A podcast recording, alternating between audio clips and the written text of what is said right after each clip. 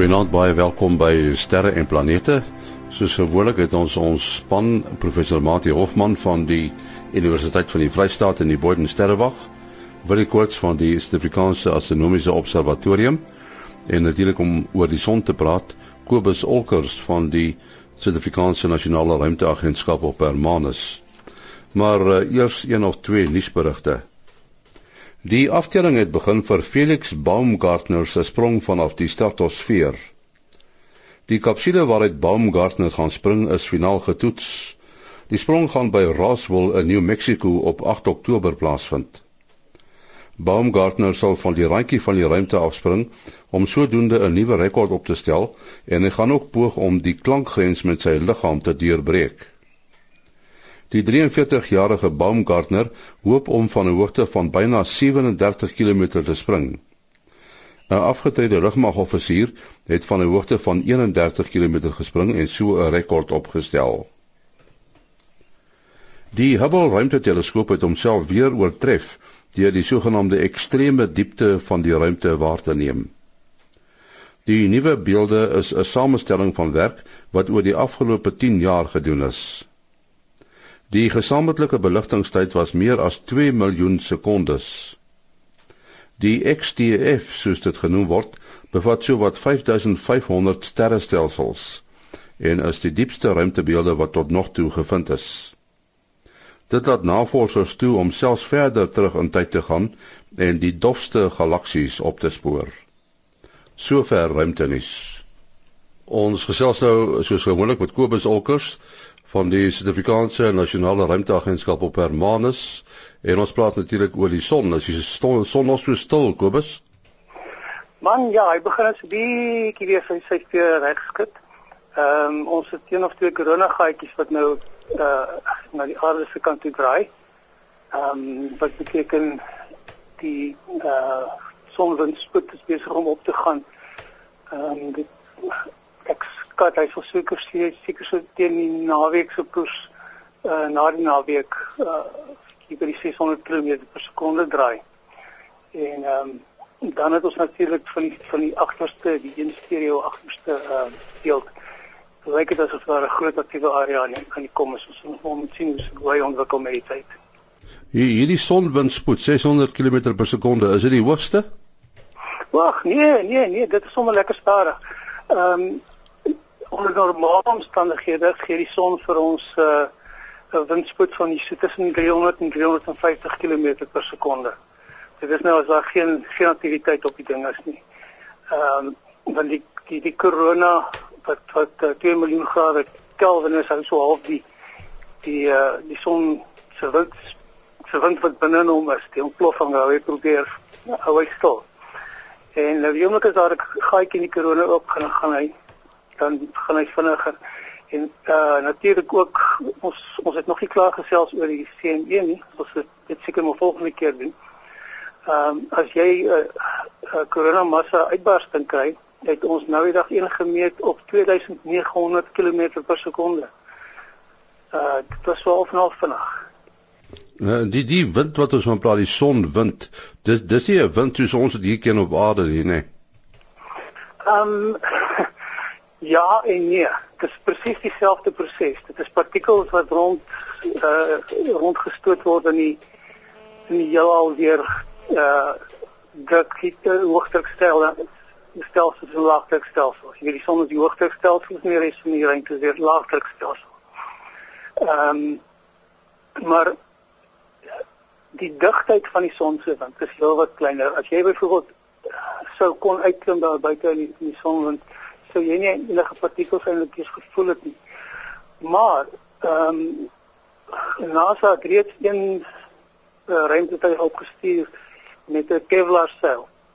Ehm um, en die hy hy reg begin en toe begin hy die seil op so hulle gaan die volgende keer net so kepens anders moet ontwerp. Maar jy kan teoreties kan jy uh, only teoreties prakties hulle het nou bewys ehm um, kan jy met 'n seilskip van die van die aarde af of van die uh, son af kan jy na die buiteste planete toe vlieg op die op die vleuels van die van die son die sonwind. Nou is daar magnetisme in hierdie sonwind. Die magnetisme, die die die sonwind self is gelaaide partikels. Uh die magnetisme wat wat uh, daarbey betrokke is, is die son se eie magneetveld. Ehm um, die son het 'n massiewe groot uh, en 'n ongelooflike komplekse magneetveld. Ehm um, ons sê altyd hy lyk soos 'n ballerina se rokkie. Ehm um, hy gaan so op en af. As jy as jy op die ekliptik sit, dan sal jy sien die die son se se se magnetisme gaan ehm um, eers noord en dan word hy na 'n keer 'n bietjie suid en dan na 'n keer word hy weer noord en so aan. En hierdie partikels, die gelaaide partikels van die son af.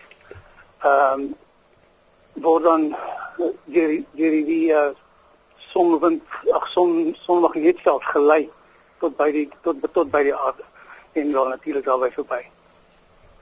Ja, ons sê baie dankie aan Kobus Olkers van die Suid-Afrikaanse Nasionale Ruimteagentskap. Uh, gee vir ons jou telefoonnommer Kobus. 083 264 8038 083 264 8038. Einde September is daar weer 'n sterrekyk aand, maar die keer met 'n verskil. Kom neem saam met die sterre en planete span 'n reis deur die sterrehemel met 'n verkyker. 29 September by die Koppiesdam Natuurreservaat. Ongeveer 80 km vanaf Kroonstad en Vanderbijl Park. Kom luister hoe Mati Hofman en Henny Maas beduie hoe om ruimtevoorwerpe met jou verkyker op te spoor.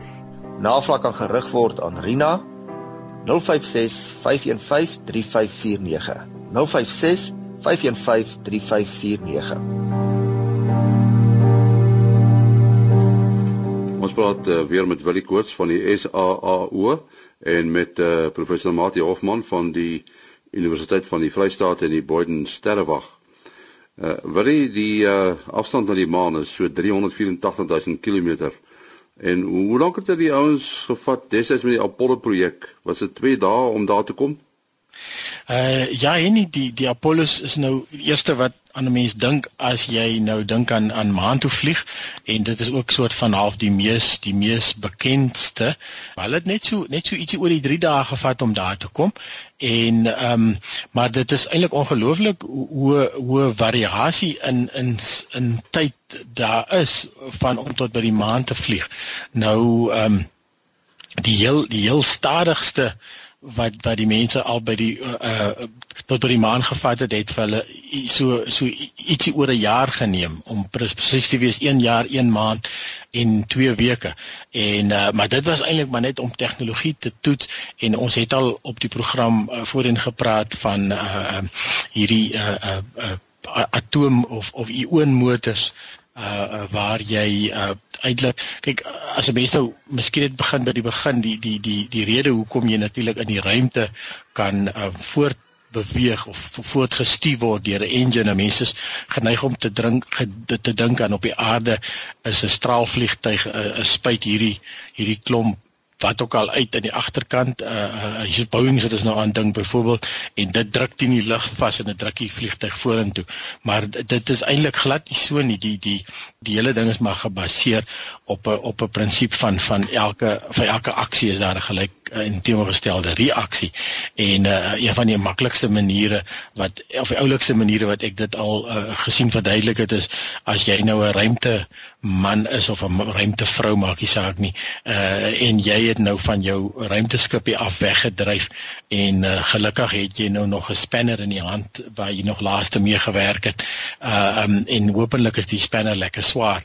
Uh, dan uh, is dit baie eenvoudig jy gooi net die die die die hierdie moersleutel in die teenoorgestelde rigting as waar jy wil gaan. En dan gaan hierdie reaksiekrag van die uh, uh, moersleutel wat jy weggooi gaan jou dan bietjie spoed teruggee na jou ruimtetuig toe en op dië manier kom jy weer terug by jou ruimtetuig. En uh um, so 'n uh, straalmetode 'n uh, straal eintlik wat wat eintlik uitkom uit die enjin uit is maar net gas en die gas kom natuurlik teen 'n baie geweldige snelheid daar uit, maar die gas is baie lig. So uh, so so help die snelheid jou en dit gee dan vir jou spoed in 'n sekere rigting.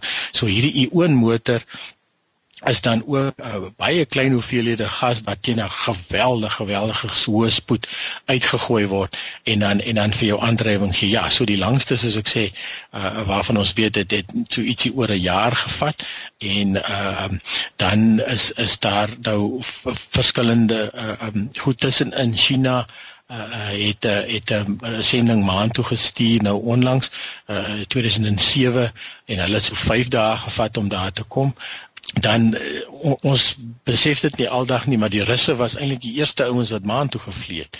Hulle kapsuletjie in 1959 het 'n uh, 2 dae gevat om daar te kom en uh, maar dis natuurlik uh, baie uh, klein klein massaatjie wat jy daar moes moes moes gekry het.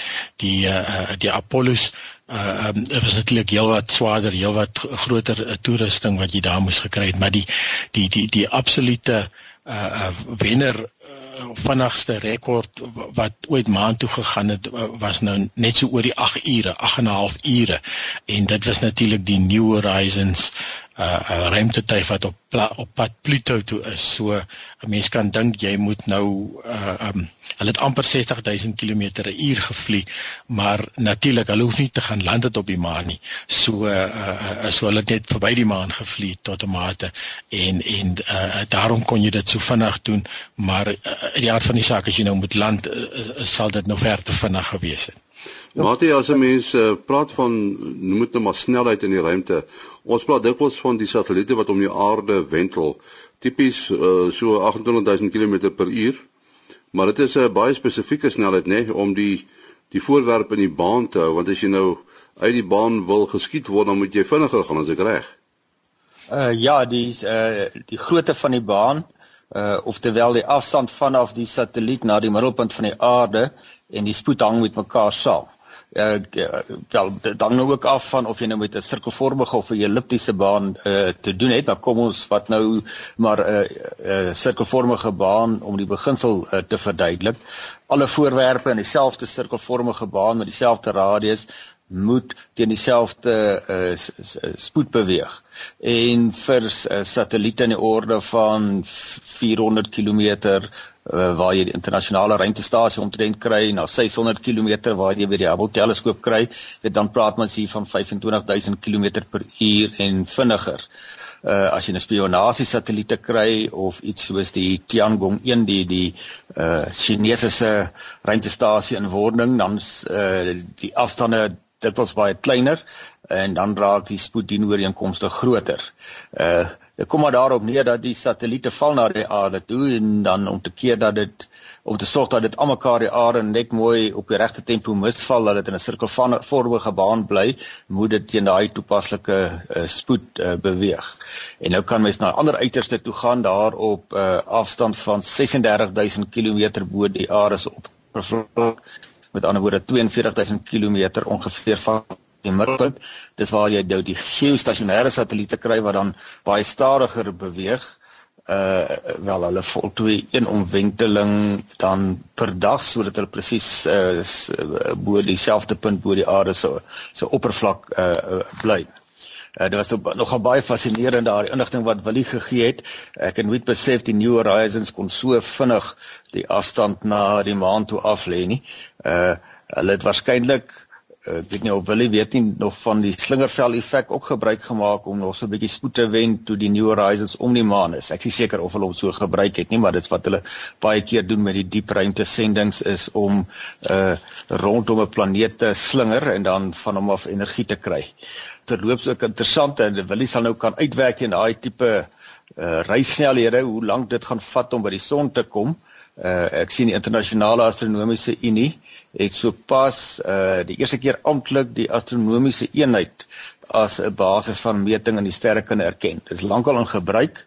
Ehm uh, maar vir diegene wat wil weet die gemiddelde afstand tussen die aarde en die son uh soos gebaseer op metings amper 150 miljoen kilometer uh, meer presies 149 miljoen 597870.7 km.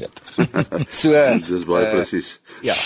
So hy's tot ek weet nie of uh met die laaste nulle agter die 700 meter uh, uh moet ernstig opneem nie of hulle tot op 'n meter akkuraatheid dit kan meet. Ek is nie heeltemal seker wat die akkuraatheidsvlak is nie, maar uh dis in elk geval in die orde van enkele meter of tiene van meters. In die geval van die maan weet ek kan hulle tot 'n paar millimeter akkuraat die afstande meet. Ja, met ander woorde, die maan is nou uh mense sê punt soveel astronomiese eenhede want want dit is nou baie nader aan ons, maar uh, ja, as jy mense nou praat oor oor oor Saturnus hmm. of of Jupiter, dan is dit nou seker 5 of 4 astronomiese eenhede, ek weet nie. Ja, die, die maan is uh, 400 mal nader as die son. So dit is 'n uh, baie klein uh breekdeel van die uh afstand na die son toe.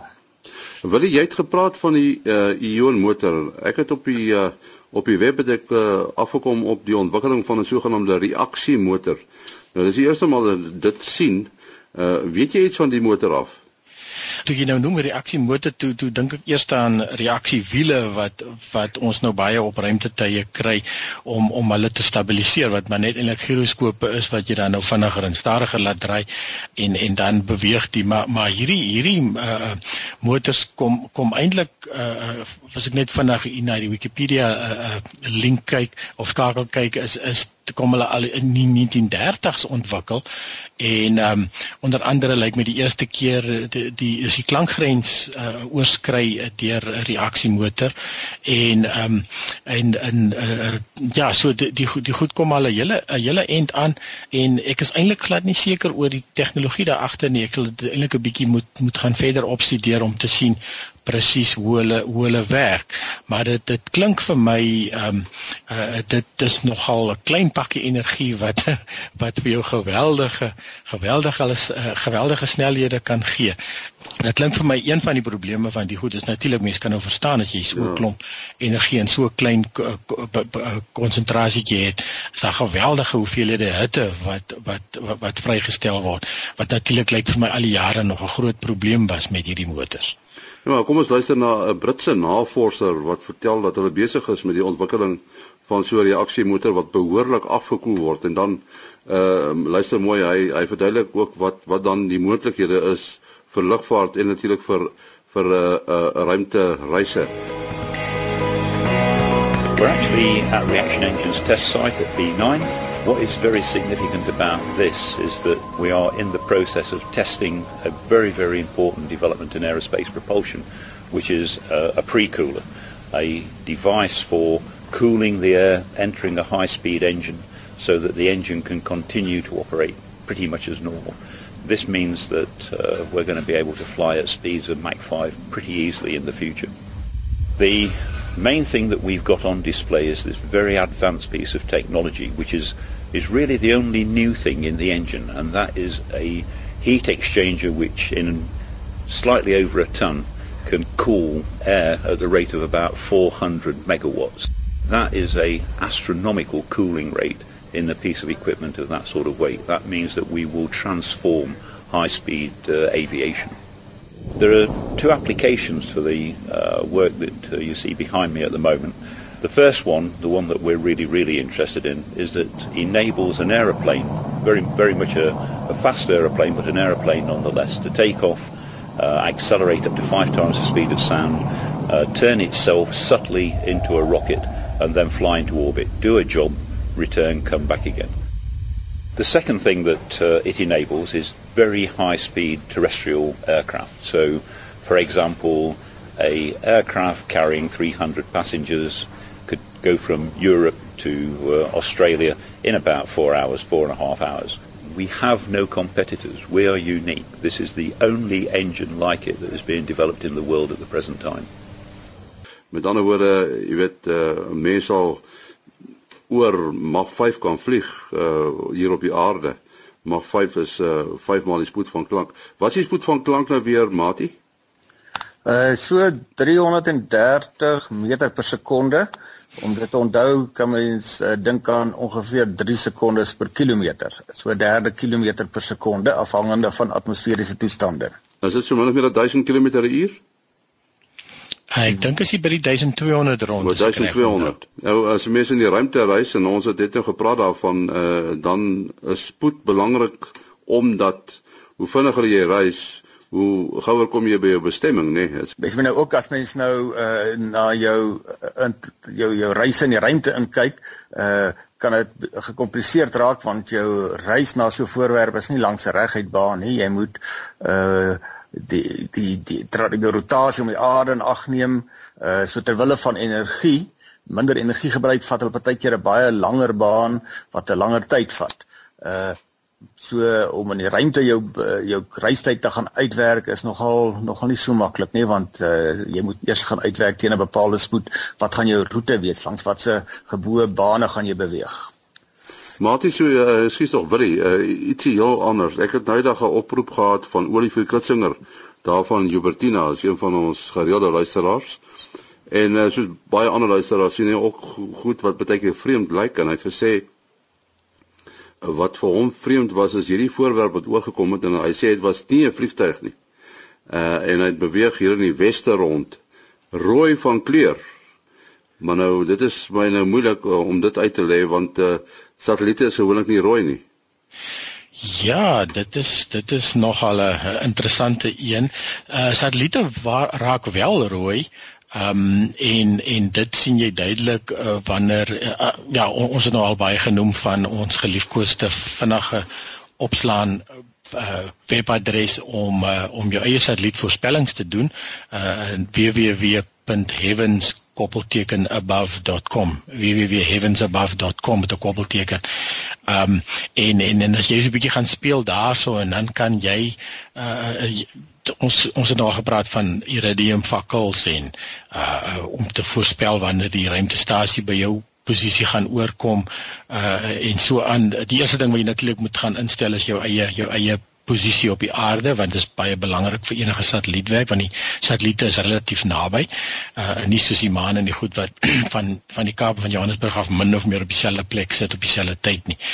En um jy kan selfs al aan ander satelliete gaan voorspel en jy kan probeer uitwerk wat het jy gesien deur terug te kyk. Jy kan selfs 24 uur terugkyk by Heavens Above. So is eintlik 'n klomp inligting en 'n klomp tegnieke wat daar lê net net net met 'n paar klikke van die muis so dit is dit is ek sien nogal mense aanbeveel om om 'n bietjie te gaan te gaan speel daar. En daar's natuurlik al die sterrekundige inligting is daar ook.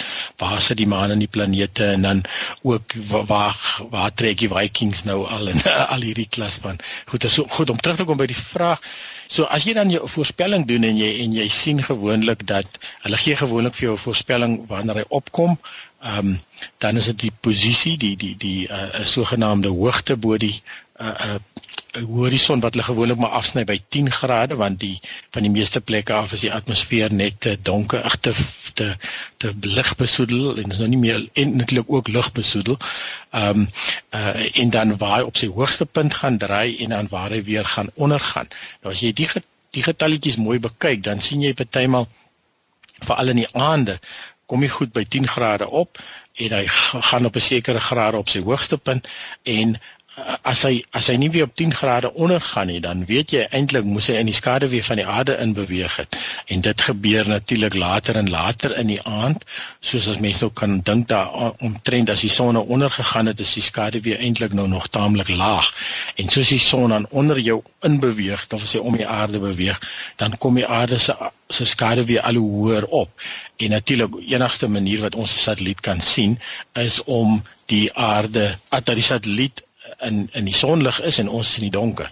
Uh uh wel van hulle raak helder genoeg om in die dag te sien, maar dis baie hoë uitsondering. En uh so dis gewoonlik die kriteria wat jy soek. So as jy dan sien dat dit lyk asof die satelliet in die skarwe van die aarde in beweeg, um, dan kry jy tipies die geval waar die satelliet rooi raak net voor hy verdwyn. Nou dis natuurlik dieselfde effek as wanneer ons die son sien ondergaan want ons kan uh, kyk deur 'n hele klomp atmosfeer. So dieselfde wat hier gebeur, die son lig waarin die satelliet beweeg en as daar iemand op die satelliet in soos in die geval van die ruimtestasie waar daar wel mense is, sal dan fisies die son sien rooi raak voordat hy verdwyn. Ehm um, so Of wat ek nou kan dink is wat wat Olivier hier gesien het is 'n is 'n geval waar die satelliet dan vir 'n lang tyd al op hierdie rand van waar die son uh, besig is om onder te gaan soos gesien vanaf die satelliet uh, uh deur beweeg het. So dit sal nie baie gebeur dat dit die goed hoe mooi uitwerk nie, maar ek kan aanneem daar gaan wel gevalle wees. Ehm um, uh, wat dit wat dit wel kan gebeur. Ehm um, ja, as hy nou reeds bepaal het dit is nie 'n vliegtyg nie, uh, uh wat mense wat soos hy wat lekker baie opkyk, uh kom gou-gou agter dat dat uh, 'n uh, vliegtyg het navigasieligte wat hulle gewoonlik weggee. Uh so dit is een manier om te sien of dit 'n vliegtyg of nie. En ek neem aan aan die spoed wat die ding beweeg het, sal hy ook al uh, genoeg ondervinding het om te weet dat dit nie soos 'n verskietende ster, meteoor of so is nie. So uh, dit is dan die enigste vinnige verduideliking wat ek nou wat by my uh, opkom as ek nou as ek nou daaraan dink. Maar wat mense ook moet uh, aanvaar is dat meeste satelliete beweeg van wes na oos, nee, dit is nie almal nie, maar die meeste, nee. Uh ja, dit is om uh te kan as die die die vierpyle gelanseer word uh, om gebruik te kan maak van die aarde se rotasie dat jy daar 'n bietjie uh, snelheid bykry anderste moet jy net eenvoudig baie meer energie gebruik het as jy uh, relatief tot die aarde se se middelpunt 'n uh, satelliet tot dieselfde spoed uh te kon versnel vir 'n bepaalde baan as wat jy nou uh, uh moet doen as wat jy dit nou sa as jy, jy dit saam met die aarde se rotasie doen. So dis maar die groot rede daarvan. Mens kry natuurlik 'n hele klompie satelliete uh onder andere die Iridium satelliete wat nou in noord-suid bane uh beland. Dit is nou vir bepaalde redes uh dat dit nou weer daar gerieflik is want dan kan jy nou in daai geval alle dele van die aarde op een of ander stadium onder jou hê. As jy nou 'n uh oos-wesbaan is, uh, gaan die poolgebiede nou uh, buite jou bereik wees of af van nie tot dieselfde mate binne jou bereik wees nie. Ja, ongelukkig moet ons uh, afsluit. Uh, wil jy jou besonderhede? Ja, mense kan my bel SMS of WhatsApp 0724579208. 0724579208. Mati? Uh 0836257154. 083 06257154. En my e-posadres maas.henny@gmail.com. maas.henny@gmail.com. Tot die volgende keer. Mooi loop.